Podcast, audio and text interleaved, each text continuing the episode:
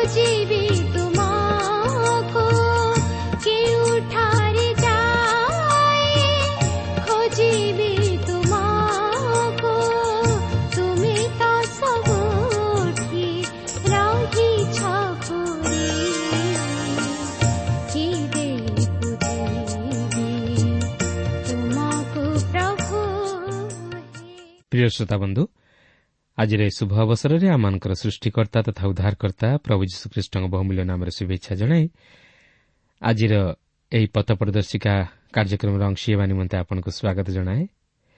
ଆପଣ ଆପଣଙ୍କର ବହୁମୂଲ୍ୟ ସମୟ ଦେଇଥିବାରୁ ଆମେ ବିଶେଷ ଧନ୍ୟବାଦ। କେବଳ ସେତିକି ନୁହେଁ ଆପଣଙ୍କର ସାକ୍ଷ୍ୟ ନିମନ୍ତେ ମଧ୍ୟ ବିଶେଷ ଧନ୍ୟବାଦ। ପ୍ରଭୁ ଆପଣଙ୍କୁ ଆଶୀର୍ବାଦ କରନ୍ତୁ। ଆହୁରି ଆହୁରି ଆତ୍ମିକ ଜୀବନରେ ବର୍ଦ୍ଧିଷ୍ଣୁ କରାନ୍ତୁ। ଆମର ଅନୁରୋଧ ଆପଣ ନିଜେ ଏହି କାର୍ଯ୍ୟକ୍ରମ ଶୁଣିବା ସଙ୍ଗେ ସଙ୍ଗେ ଅନ୍ୟମାନଙ୍କୁ ମଧ୍ୟ ଶୁଣାଇବାରେ ଉତ୍ସାହିତ କରନ୍ତୁ। ଆସନ୍ତୁ ପ୍ରଭୁଙ୍କର ବାକ୍ୟ ମଧ୍ୟକୁ ଯିବା ପୂର୍ବରୁ ସଂକ୍ଷେପରେ ପ୍ରାର୍ଥନା କରିବା। ପ୍ରିୟ ପବିତ୍ର ପ୍ରଭୁ ତୁମର ପବିତ୍ର ନାମର ଧନ୍ୟବାଦ କରୁଅଛୁ ଏହି ସୁନ୍ଦର ସମୟ ପାଇଁ ତୁମର ଜୀବନ୍ତ ବାକ୍ୟ ପାଇଁ। ପ୍ରଭୁ ଏହି ସମୟରେ ତୁମେ ଆମମାନଙ୍କର ସହିତ ତୁମର ବାକ୍ୟ ମଧ୍ୟ ଦେଇ କଥା କୁହ। ଆମମାନଙ୍କୁ ପ୍ରଭୁ ଏକ ସରଳ ବିଶ୍ୱାସର ହୃଦୟ ଦିଅ। ଆମମାନଙ୍କୁ ଧୀର ସ୍ଥିର ଜିତ ଦାନ କର। ପ୍ରଭୁ ତୁମର ବାକ୍ୟ ମଧ୍ୟ ଦେଇ ଯେପରି ଆମମାନେ ତୁମର ସ୍ୱର ଶୁଣିବାକୁ ପାରିବୁ ସେଥିପାଇଁ ପ୍ରଭୁ ତୁମେ ଆମମାନଙ୍କର ଆତ୍ମିକ କର୍ଣ୍ଣକୁ ଖୋଲିଦିଅ ଆମମାନଙ୍କର ହୃଦୟକୁ ତୁମେ ଖୋଲିଦିଅ।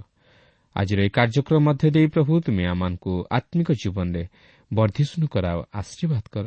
ଯୀଶୁଙ୍କ ନାମରେ ମାଗୁଅଛୁ।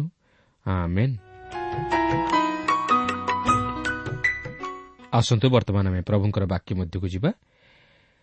ଆଜି ଆମେ ଦ୍ୱିତୀୟ ବଂଶାବଳୀ ତାହାର ପଚିଶ ଓ ଛବିଶ ପର୍ବ ଦୁଇଟିକୁ ଅଧ୍ୟୟନ କରିବା ନିମନ୍ତେ ଯିବା।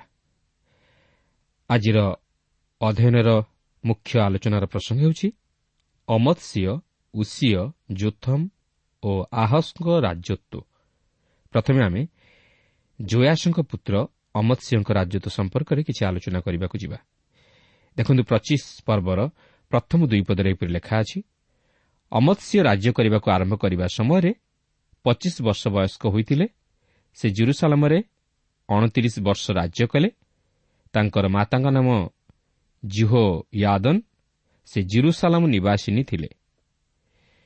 ସେ ସଦାପ୍ରଭୁଙ୍କ ଦୃଷ୍ଟିରେ ଯଥାର୍ଥ କର୍ମ କଲେ। ମାତ୍ର ସିଦ୍ଧ ଅନ୍ତଃକରଣରେ କଲେ ନାହିଁ। ମୋର ଅନୁମାନ ଆପଣ କହିପାରନ୍ତି ଯେ ସେ ଜଣେ ଉତ୍ତମ ରାଜା ଥିଲେ।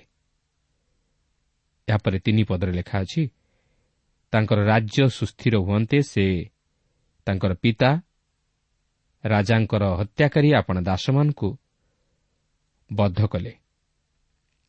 ଦେଖନ୍ତୁ ଯେଉଁମାନେ ତାହାଙ୍କ ପିତାଙ୍କୁ ହତ୍ୟା କରିଥିଲେ ସେ ପ୍ରଥମେ ସେମାନଙ୍କୁ ବଦ୍ଧ କଲେ। ଏହାପରେ ପଚିଶ ପର୍ବର ଚାରିପଦରେ ଲେଖା ଅଛି ତଥାପି ସେ ସେମାନଙ୍କ ସନ୍ତାନଗଣକୁ ବଦ୍ଧ କଲେ ନାହିଁ ମାତ୍ର ସନ୍ତାନଗଣ ପାଇଁ ପିତୃଗଣର ପ୍ରାଣଦଣ୍ଡ ହେବ ନାହିଁ। କିମ୍ବା ପିତୃଗଣ ପାଇଁ ସନ୍ତାନଗଣର ପ୍ରାଣଦଣ୍ଡ ହେବ ନାହିଁ କିନ୍ତୁ ପ୍ରତ୍ୟେକ ଲୋକ ନିଜ ପାପ ଲାଗି ମୃତ୍ୟୁଭୋଗ କରିବ। ମୂଷାଙ୍କର ବ୍ୟବସ୍ଥା ପୁସ୍ତକରେ ଲିଖିତ ସଦାପ୍ରଭୁଙ୍କର ଏହି ଆଜ୍ଞା ପ୍ରମାଣେ କର୍ମ କଲେ। ଏଠାରେ ଦେଖନ୍ତୁ ଏ କ୍ଷେତ୍ରରେ ସେ ମୂଷାଙ୍କ ବ୍ୟବସ୍ଥାକୁ ପାଳନ କଲେ। ଏହା ଏକ ଗୁରୁତ୍ୱପୂର୍ଣ୍ଣ ନିୟମ। ଆପଣ କେବେ ହେଲେ ନିଜର ପିତା କିମ୍ବା ମାତାଙ୍କର ପାପ ହେତୁ ବିଚାରିତ ହେବେ ନାହିଁ। ଆପଣ ନିଜେ ନିଜର ପାପ ନିମନ୍ତେ ବିଚାରିତ ହେବେ। ଅନ୍ୟପକ୍ଷରେ ଆପଣ ନିଜର ପ୍ରଭୁ ପ୍ରିୟ ପିତାମାତାଙ୍କ ହେତୁ ସ୍ୱର୍ଗ ଯାଇପାରିବେ ନାହିଁ। ଆପଣ କେବଳ ନିଜର ବିଶ୍ୱାସ ହେତୁ ଯାହାକି ଆପଣ ଖ୍ରୀଷ୍ଟ ଯୀଶୁଙ୍କଠାରେ ସ୍ଥାପନ କରିଅଛନ୍ତି ସେଥିହେତୁ ସ୍ୱର୍ଗ ଯାଇପାରିବେ। ଏହା ଏକ ଚମତ୍କାର ନିୟମ ଯାହାକି ଏଠାରେ ଉପସ୍ଥାପିତ କରାଯାଇଅଛି। ଆପଣ ଆପଣଙ୍କର ପାପ ନିମନ୍ତେ ଦାୟୀ। କିନ୍ତୁ ଅନ୍ୟର ପାପ ନିମନ୍ତେ ଦାୟୀ ନୁହେଁ। ପଚିଶ ପର୍ବର ପାଞ୍ଚ ପଦରେ ଲେଖା ଅଛି ଆହୁରି ଅମତ୍ସ୍ୟ ଜିହୁଦା ବଂଶକୁ ଏକତ୍ର କଲେ ପୁଣି ସମସ୍ତ ଜିହୁଦା ଓ ବିନ୍ୟାମିନ୍ର ପିତୃବଂଶାନୁସାରେ ସହସ୍ରପତି ଓ ଶତପତିମାନଙ୍କ ଅଧୀନରେ ସେମାନଙ୍କୁ ଶ୍ରେଣୀବଦ୍ଧ କଲେ। ପୁଣି ସେ କୋଡ଼ିଏ ବର୍ଷ ଓ ତତୋଧିକ ବୟସ୍କ ଲୋକମାନଙ୍କୁ ଗଣନା କରନ୍ତେ ବର୍ଚ୍ଛା ଓ ଢାଲ ଧରି ଯୁଦ୍ଧକୁ ଯିବାକୁ ସମର୍ଥ ତିନି ଲକ୍ଷ ବଛା ଲୋକ ପାଇଲେ। ସେ ବର୍ତ୍ତମାନ ଯୁଦ୍ଧ କରିବା ନିମନ୍ତେ ପ୍ରସ୍ତୁତ ହେଉଛନ୍ତି ମଧ୍ୟ ସେ ଇସ୍ରାଏଲ୍ ମଧ୍ୟରୁ କିଛି ସୈନ୍ୟ ଭଡ଼ା କରି ଆଣୁଅଛନ୍ତି। କିନ୍ତୁ ଦେଖନ୍ତୁ ଈଶ୍ୱର କ'ଣ କହନ୍ତି। ପଚିଶ ପର୍ବର ଛଅରୁ ଆଠ ପଦରେ ଲେଖା ଅଛି ମଧ୍ୟ ସେ ଏକଶହ ତାଳନ୍ତ ରୂପା ବେତନ ଦେଇ ଇସ୍ରାଏଲ୍ ମଧ୍ୟରୁ ଏକ ଲକ୍ଷ ମହାବିକ୍ରମଶାଳୀ ଲୋକଙ୍କୁ ନିଯୁକ୍ତ କଲେ। ମାତ୍ର ପରମେଶ୍ୱରଙ୍କର ଏକ ଲୋକ ତାଙ୍କ ନିକଟକୁ ଆସି କହିଲେ ହେ ରାଜନ୍ ଇସ୍ରାଏଲ୍ର ସୈନ୍ୟ ଆପଣଙ୍କ ସଙ୍ଗରେ ନ ଯାଉନ୍ତୁ। କାରଣ ସଦାପ୍ରଭୁ ଇସ୍ରାଏଲ୍ ସଙ୍ଗରେ ଅର୍ଥାତ୍ ଇଫ୍ରାଇମ୍ର ସମସ୍ତ ସନ୍ତାନ ସଙ୍ଗରେ ନାହାନ୍ତି। ମାତ୍ର ଯେବେ ଆପଣ ଯିବେ ତେବେ ସାହସରେ କାର୍ଯ୍ୟ କରନ୍ତୁ। ଯୁଦ୍ଧ କରିବାକୁ ବଳବାନ ହେଉନ୍ତୁ। ପରମେଶ୍ୱର ଶତ୍ରୁ ସମ୍ମୁଖରେ ଆପଣଙ୍କୁ ନିପାତ କରିବେ। କାରଣ ସାହାଯ୍ୟ କରିବାକୁ ଓ ନିପାତ କରିବାକୁ ପରମେଶ୍ୱରଙ୍କର ଶକ୍ତି ଅଛି। ଏଠାରେ ପରମେଶ୍ୱରଙ୍କର ଏକ ଲୋକ ଅମତ୍ସିଂହଙ୍କୁ ସତର୍କ କରାଇ ଦେଇ କହନ୍ତି ଈଶ୍ୱରଙ୍କଠାରେ ନିର୍ଭର ରଖ। କିନ୍ତୁ ଏହା ସତ୍ୟ ମଧ୍ୟ ଜୁହସାଫଟ ଓ ଆଶା ରାଜାଙ୍କର ଦୃଷ୍ଟାନ୍ତ ମଧ୍ୟ ତାହାଙ୍କ ସମ୍ମୁଖରେ ଥିଲା। ସେ ଜାଣିବା ଉଚିତ ଯେ ଈଶ୍ୱର ଚାହାନ୍ତି ନାହିଁ ଯେ ସେ ଇସ୍ରାଏଲ୍ ମଧ୍ୟରୁ ଲୋକ ଆଣନ୍ତୁ ଯୁଦ୍ଧରେ ବିଜୟୀ ହେବା ନିମନ୍ତେ। କାରଣ ଈଶ୍ୱର ହିଁ ସଫଳତା ଦିଅନ୍ତି। ଏହାପରେ ନଅ ପଦରୁ ଏଗାର ପଦ ମଧ୍ୟରେ ଲେଖା ଅଛି ତହିଁରେ ଅମତ୍ସ୍ୟ ପରମେଶ୍ୱରଙ୍କ ଲୋକଙ୍କୁ କହିଲେ ଭଲ ମାତ୍ର ମୁଁ ଇସ୍ରାଏଲ୍ ସୈନ୍ୟକୁ ଯେଉଁ ଏକଶ ତାଳନ୍ତ ରୂପା ଦେଇଅଛି ତହିଁ ପାଇଁ ଆମମାନେ କ'ଣ କରିବା? ଏଥିରେ ପରମେଶ୍ୱରଙ୍କ ଲୋକ ଉତ୍ତର କଲେ ସଦାପ୍ରଭୁ ତୁମକୁ ତହିଁରୁ ଅତି ଅଧିକ ଦେବାକୁ ସମର୍ଥ ଅଟନ୍ତି। ତହୁଁ। ଅମତ୍ସ୍ୟ ଇଫ୍ରାଇମ୍ରୁ ଆପଣା ନିକଟକୁ ଆଗତ ସୈନ୍ୟ ଦଳକୁ ସେମାନଙ୍କ ଗୃହକୁ ପୁନର୍ବାର ଯିବା ପାଇଁ ପୃଥକ କଲେ। ଏଣୁ ଜିହୁଦା ପ୍ରତିକୂଳରେ ସେମାନଙ୍କର କ୍ରୋଧ ଅତି ପ୍ରଜ୍ୱଳିତ ହେଲା ଓ ସେମାନେ ପ୍ରଚଣ୍ଡ କ୍ରୋଧରେ ଗୃହକୁ ଫେରିଗଲେ। ଏଉତାରେ ଅମତ୍ସ୍ୟ ସାହସିକ ହୋଇ ଆପଣା ଲୋକଙ୍କୁ କଢ଼ାଇ ନେଇ ଲବଣ ଉପତ୍ୟକାକୁ ଗଲେ ଓ ସେଇର ସନ୍ତାନଗଣର ଦଶ ସହସ୍ର ଲୋକଙ୍କୁ ବଦ୍ଧ କଲେ। ଦେଖନ୍ତୁ ଈଶ୍ୱରଙ୍କ ଲୋକ ଯାହା ଯାହା କହିଲେ ଅମତ୍ସ୍ୟ ତାହା ପାଳନ କରି ତଦନୁଯାୟୀ କାର୍ଯ୍ୟ କଲେ। ସେ ନିଜର ସୈନ୍ୟ ଶ୍ରେଣୀ ମଧ୍ୟରୁ ଇସ୍ରାଏଲ୍ର ସୈନ୍ୟମାନଙ୍କୁ ପୃଥକ କଲେ ଓ ସେମାନଙ୍କୁ ଇସ୍ରାଏଲ୍କୁ ପୁନର୍ବାର ପଠାଇଦେଲେ ଏହାପରେ ଈଶ୍ୱର ତାହାଙ୍କୁ ସେଇର ସନ୍ତାନଗଣ ଉପରେ ଜୟ ପ୍ରଦାନ କରାଇଲେ। ଆଉ ଏହି ଯୁଦ୍ଧ ସେହି ଲବଣ ସମୁଦ୍ର ବା ମରୁସାଗର ନିକଟରେ ହୋଇଥିଲା। ଈଶ୍ୱର ହିଁ ତାହାଙ୍କର ଲୋକମାନଙ୍କୁ ଜୟ ପ୍ରଦାନ କରାନ୍ତି। ଏହାପରେ ଚଉଦ ପଦରେ ଲେଖା ଅଛି ଅମତ୍ସ୍ୟ ଇଦୋମିୟମାନଙ୍କୁ ସଂହାର କରି ଫେରିଆସିଲା ଉତ୍ତାରେ ସେ ସେଇର ସନ୍ତାନମାନଙ୍କ ଦେବଗଣକୁ ଆଣି ଆପଣାର ଦେବତା ହେବା ପାଇଁ ସ୍ଥାପନ କଲେ। ସେମାନଙ୍କ ସମ୍ମୁଖରେ ପ୍ରଣାମ କରି ସେମାନଙ୍କ ଉଦ୍ଦେଶ୍ୟରେ ଧୂପ ଜଳାଇଲେ। ବାସ୍ତବରେ ଏହି ବ୍ୟକ୍ତି ଯେ ଏ ପ୍ରକାର କାର୍ଯ୍ୟ କରିବେ ଏହା ଅତି ଆଶ୍ଚର୍ଯ୍ୟର ବିଷୟ। ମାତ୍ର ଏହା ମନୁଷ୍ୟ ହୃଦୟର କଳୁଷିତ ତଥା ଅପରାଧ ଜନିତ ବିଷୟକୁ ପ୍ରକାଶ କରେ। ପନ୍ଦର ଓ ଷୋହଳ ପଦରେ ଲେଖା ଅଛି ଏହେତୁ ଅମତ୍ସ୍ୟଙ୍କ ପ୍ରତିକୂଳରେ ସଦାପ୍ରଭୁଙ୍କ କ୍ରୋଧ ପ୍ରଜ୍ୱଳିତ ହୁଅନ୍ତେ ସେ ତାଙ୍କ ନିକଟକୁ ଏକ ଭବିଷ୍ୟତ ବକ୍ତା ପଠାଇଲେ। ଯେ ତାଙ୍କୁ କହିଲା ଯେଉଁ ଦେବଗଣ ଆପଣା ଲୋକମାନଙ୍କୁ ଆପଣଙ୍କ ହସ୍ତରୁ ଉଦ୍ଧାର କଲେ ନାହିଁ ଆପଣ କିହେତୁ ସେହି ଲୋକମାନଙ୍କ ଦେବଗଣର ଅନ୍ୱେଷଣ କରୁଅଛନ୍ତି? ସେ ତାଙ୍କୁ ଏହି କଥା କହିବା ବେଳେ ରାଜା ତାହାକୁ କହିଲେ ଆମମାନେ କ'ଣ ତୁମ୍ଭକୁ ରାଜମନ୍ତ୍ରୀ କରିଅଛୁ? ନିରସ୍ତ ହୁଅ କାହିଁକି ମାଡ଼ ଖାଇବ? ଏଥିରେ ଭବିଷ୍ୟତ ବକ୍ତା ନିରସ୍ତ ହୋଇ କହିଲା ମୁଁ ଜାଣେ ପରମେଶ୍ୱର ଆପଣଙ୍କୁ ବିନାଶ କରିବା ପାଇଁ ସ୍ଥିର କରିଅଛନ୍ତି। କାରଣ ଆପଣ ଏହା କରିଅଛନ୍ତି ଓ ମୋ ପରାମର୍ଶରେ କର୍ଣ୍ଣପାତ କରିନାହାନ୍ତି। ଆପଣ ଦେଖନ୍ତୁ ବର୍ତ୍ତମାନ ପୁନର୍ବାର ଗୃହଯୁଦ୍ଧ ଆରମ୍ଭ ହେବାକୁ ଯାଉଅଛି। ଯେହେତୁ ଈଶ୍ୱରଙ୍କର କ୍ରୋଧ ପ୍ରଜ୍ୱଳିତ ହେବା ପାଇଁ ଯାଉଅଛି। ସତର ପଦରେ ଲେଖା ଅଛି ଅନନ୍ତର ଜିହୁଦାର ରାଜା ଅମତ୍ସ୍ୟ ପରାମର୍ଶ ନେଇ ଜେହୁଙ୍କର ପୌତ୍ର ଜିଓ ୟାହାସ୍କର ପୁତ୍ର ଇସ୍ରାଏଲ୍ର ରାଜା ଜୋୟାସ୍ଙ୍କ ନିକଟକୁ ଲୋକ ପଠାଇ କହିଲେ ଆସ ଆମ୍ଭେମାନେ ପରସ୍ପର ମୁଖ ଦେଖାଦେଖି ହେବା ଅନ୍ୟ ଅର୍ଥରେ କହିବାକୁ ଗଲେ ଅମତ୍ସ୍ୟ ଇସ୍ରାଏଲ୍କୁ ଯୁଦ୍ଧ କରିବା ନିମନ୍ତେ ଏକ ଡାକରା ଦେଲା। କିନ୍ତୁ ପଚିଶ ପର୍ବର ଅଠର ଓ ଉଣେଇଶ ପଦରେ ଆମେ ଦେଖୁ ଯେ ଇସ୍ରାଏଲ୍ର ରାଜା ଜୋୟାସ୍ ଏକ ଦୃଷ୍ଟାନ୍ତ ମାଧ୍ୟମରେ ଜିହୁଦାର ରାଜା ଅମତ୍ସ୍ୟଙ୍କୁ ଅପମାନ ସୂଚକ ଭାବେ କହିଲା ଯଦି ତୁମ୍ଭେ ନିଜ ଗୃହରେ ରୁହ ଓ ନିଜର କାମ କର ତାହେଲେ ତୁମ୍ଭେ ବିପଦଗ୍ରସ୍ତ ହେବ ନାହିଁ। କିନ୍ତୁ ଆମେ କୋଡ଼ିଏ ପଦରେ ଦେଖୁଛୁ ଯେ ଅମତ୍ସ୍ୟ ତାହା ଶୁଣିଲେ ନାହିଁ ତେଣୁ ବର୍ତ୍ତମାନ ଈଶ୍ୱର ତାହାଙ୍କର ବିଚାର କରୁଅଛନ୍ତି। ପଚିଶ ପର୍ବର ଏକୋଇଶରୁ ଚବିଶ ପଦ ମଧ୍ୟରେ ଲେଖା ଅଛି ତହୁଁ ଇସ୍ରାଏଲ୍ର ରାଜା ଜୋୟାସ୍ ଗଲେ ଆଉ ଜିହୁଦାର ଅଧିକାରସ୍ଥ ବୈତ୍ ସେମସ୍ରେ ସେ ଓ ଜିହୁଦାର ରାଜା ଅମତ୍ସ୍ୟ ପରସ୍ପର ମୁଖ ଦେଖାଦେଖି ହେଲେ।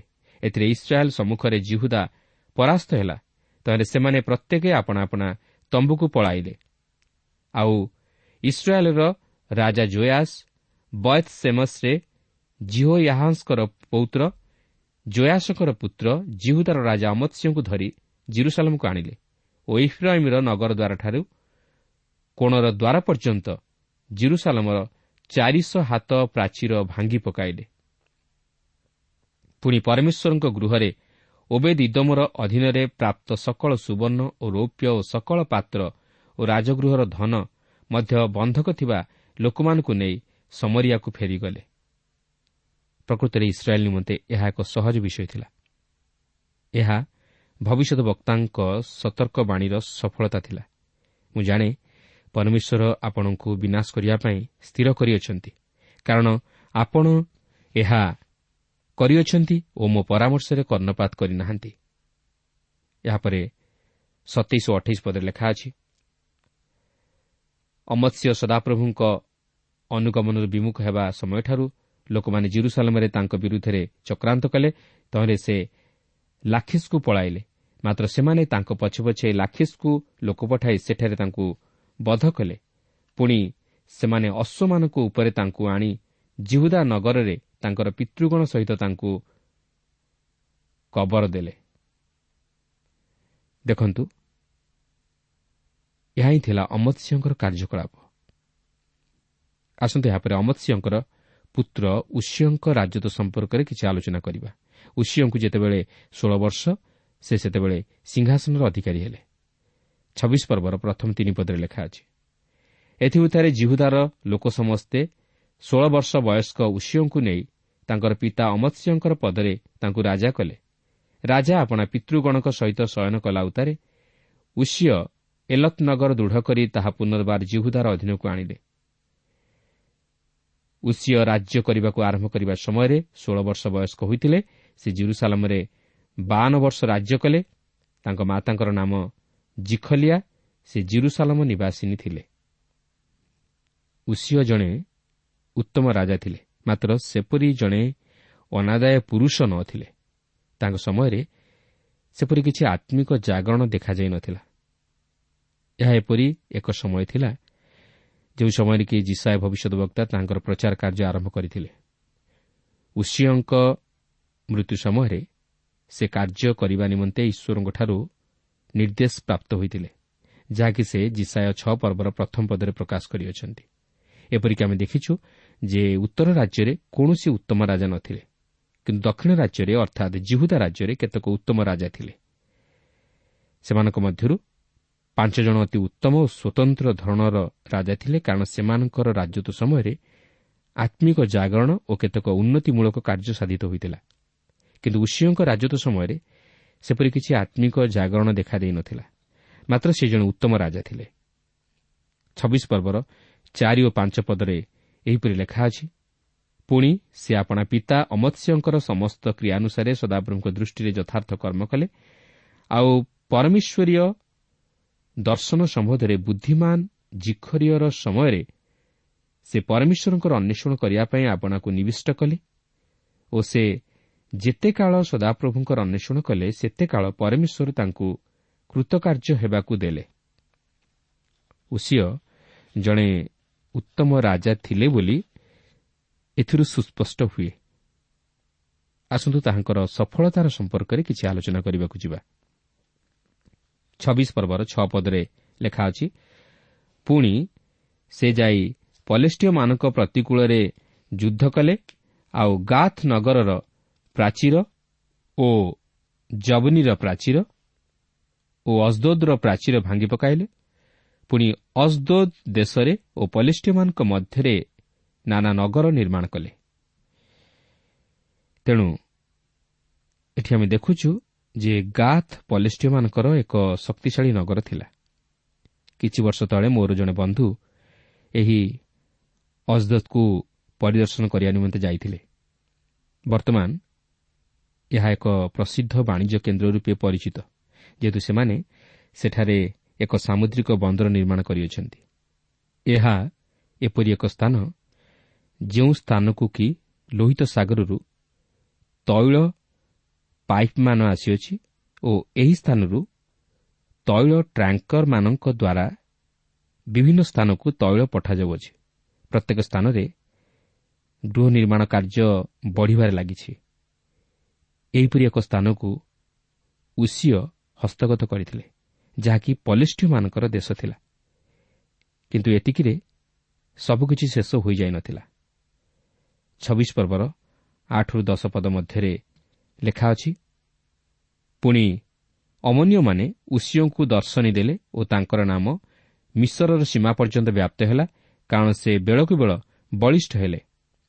ଆହୁରି ଉଷିୟ ଜିରୁସାଲାମର କୋଣ ଦ୍ୱାରରେ ଓ ଉପତ୍ୟକା ଦ୍ୱାରରେ ଓ ପ୍ରାଚୀର କୋଣରେ ଦୁର୍ଗ ନିର୍ମାଣ କରି ତାହା ସବୁ ଦୃଢ଼ କଲେ।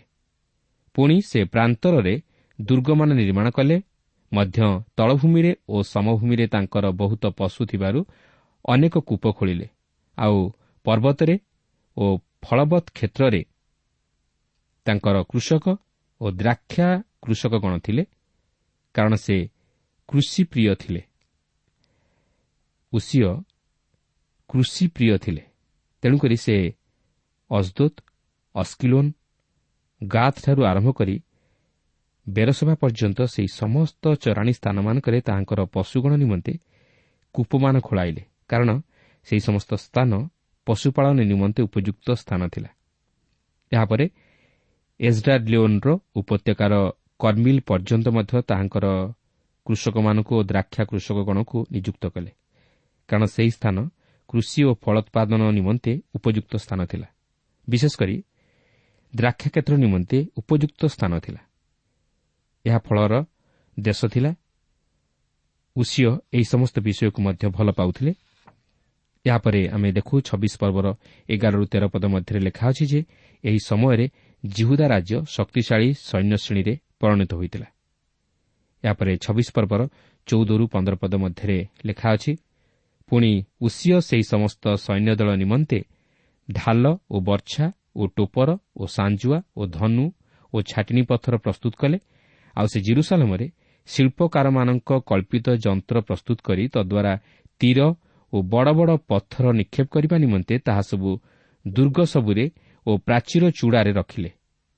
ପୁଣି ତାଙ୍କର ନାମ ବହୁଦୂର ବ୍ୟାପ୍ତ ହେଲା କାରଣ ସେ ବଳିଷ୍ଠ ହେବା ପର୍ଯ୍ୟନ୍ତ ଆଶ୍ଚର୍ଯ୍ୟ ରୂପେ ସାହାଯ୍ୟ ପ୍ରାପ୍ତ ହେଲେ। ଉସିଓ ନୂତନ ରଣକୌଶଳ ନିମନ୍ତେ ଉତ୍ତରଦାୟୀ ଥିଲେ ତାଙ୍କ ସମୟରେ ସେ ଅତ୍ୟାଧୁନିକ ଅସ୍ତ୍ରଶସ୍ତ୍ରମାନ ପ୍ରୟୋଗ କରିଥିଲେ।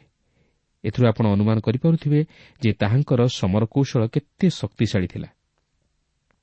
କିନ୍ତୁ ଏହି ସମସ୍ତ ସତ୍ୟ ମଧ୍ୟ ତାଙ୍କ ଜୀବନରେ ଦୁର୍ବଳତା ଦେଖାଦେଇଥିଲା। ଗର୍ବ ତାହାଙ୍କ ଜୀବନରେ ପତନର କାରଣ ହେଲା।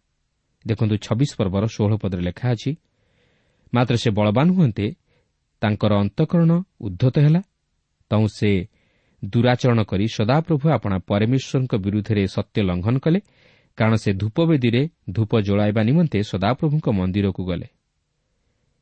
ସଫଳତା ତାହାଙ୍କ ନିମନ୍ତେ ବିଫଳତାର କାରଣ ହେଲା କାରଣ ଅନେକ ସମୟରେ ମନୁଷ୍ୟ ପ୍ରଶଂସାରେ ପରୀକ୍ଷିତ ହୁଏ। ମନୁଷ୍ୟ ଯେତେବେଳେ ସଫଳତାର ଶୀର୍ଷ ସୀମାରେ ଯାଇ ପହଞ୍ଚିଯାଏ ସେତେବେଳେ ତା'ର ଜୀବନରେ ଗର୍ବ ଆସେ ଅହଙ୍କାର ଆସେ।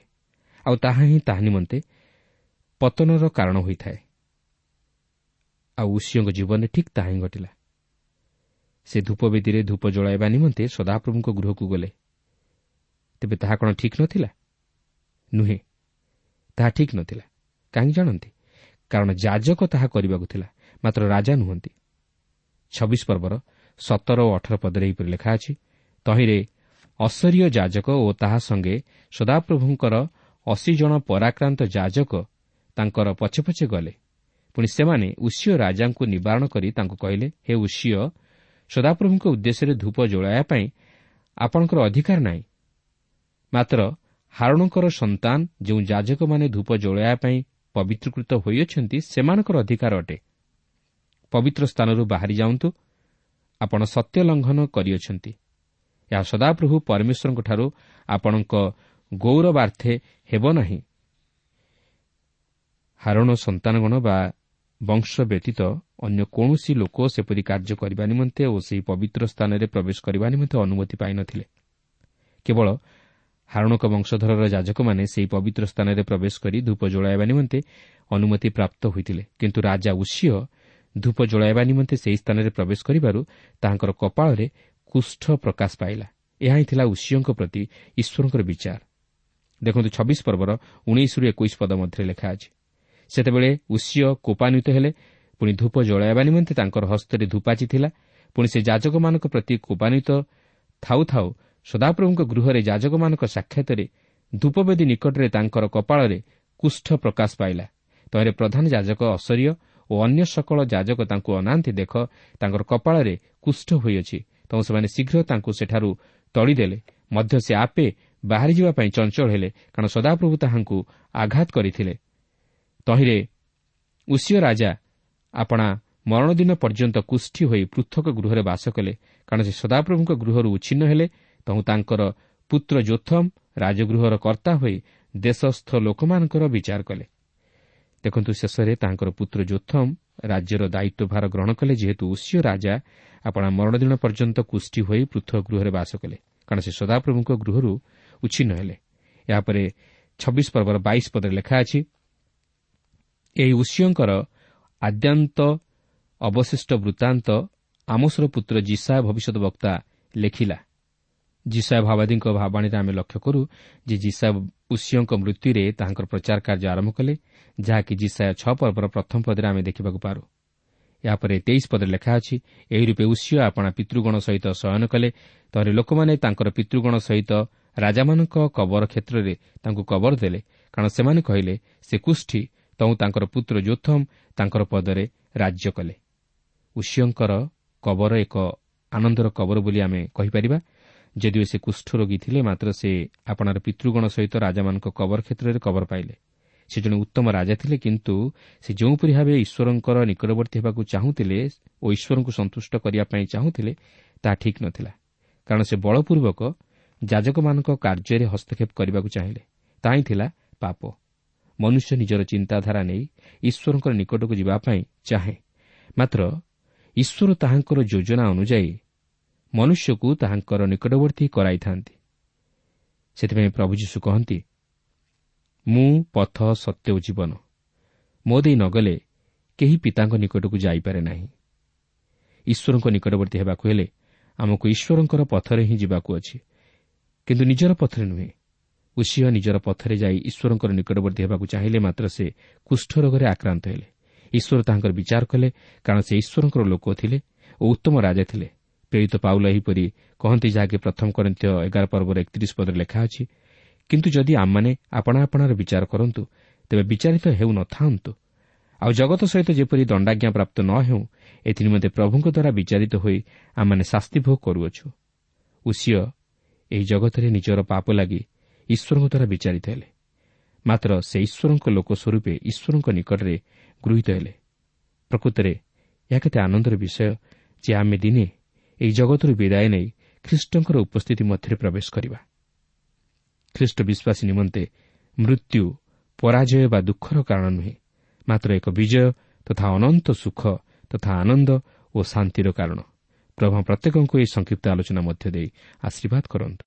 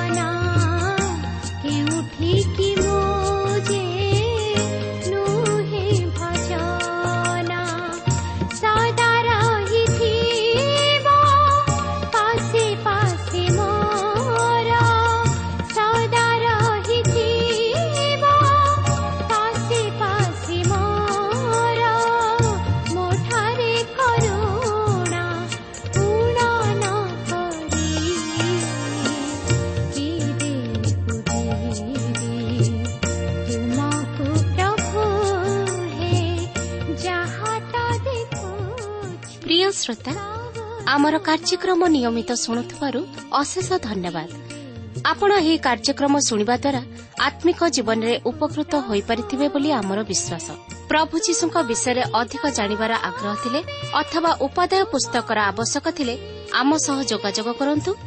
ଆମର ଠିକଣା ପଥ ପ୍ରଦର୍ଶିକା trans world radio India post box number ତିନି ତିନି ଭୁବନେଶ୍ୱର ସାତ ପାଞ୍ଚ ଏକ ଶୂନ ଶୂନ ଏକ mobile number nine seven double seven double two one four one five ଠିକଣାଟି ଆଉଥରେ ଶୁଣନ୍ତୁ ପଥ ପ୍ରଦର୍ଶିକା trans world radio India post box number three three Bhubaneswar seven five one zero zero one mobile number nine seven double seven double two one four one five ଆମର email ଆଡ୍ରେସଟି ଲେଖି ରଖନ୍ତୁ Odia TTV at radio eight eight two dot com ତେବେ ଆଜି ପାଇଁ ବିଦାୟ ଦିଅନ୍ତୁ ନମସ୍କାର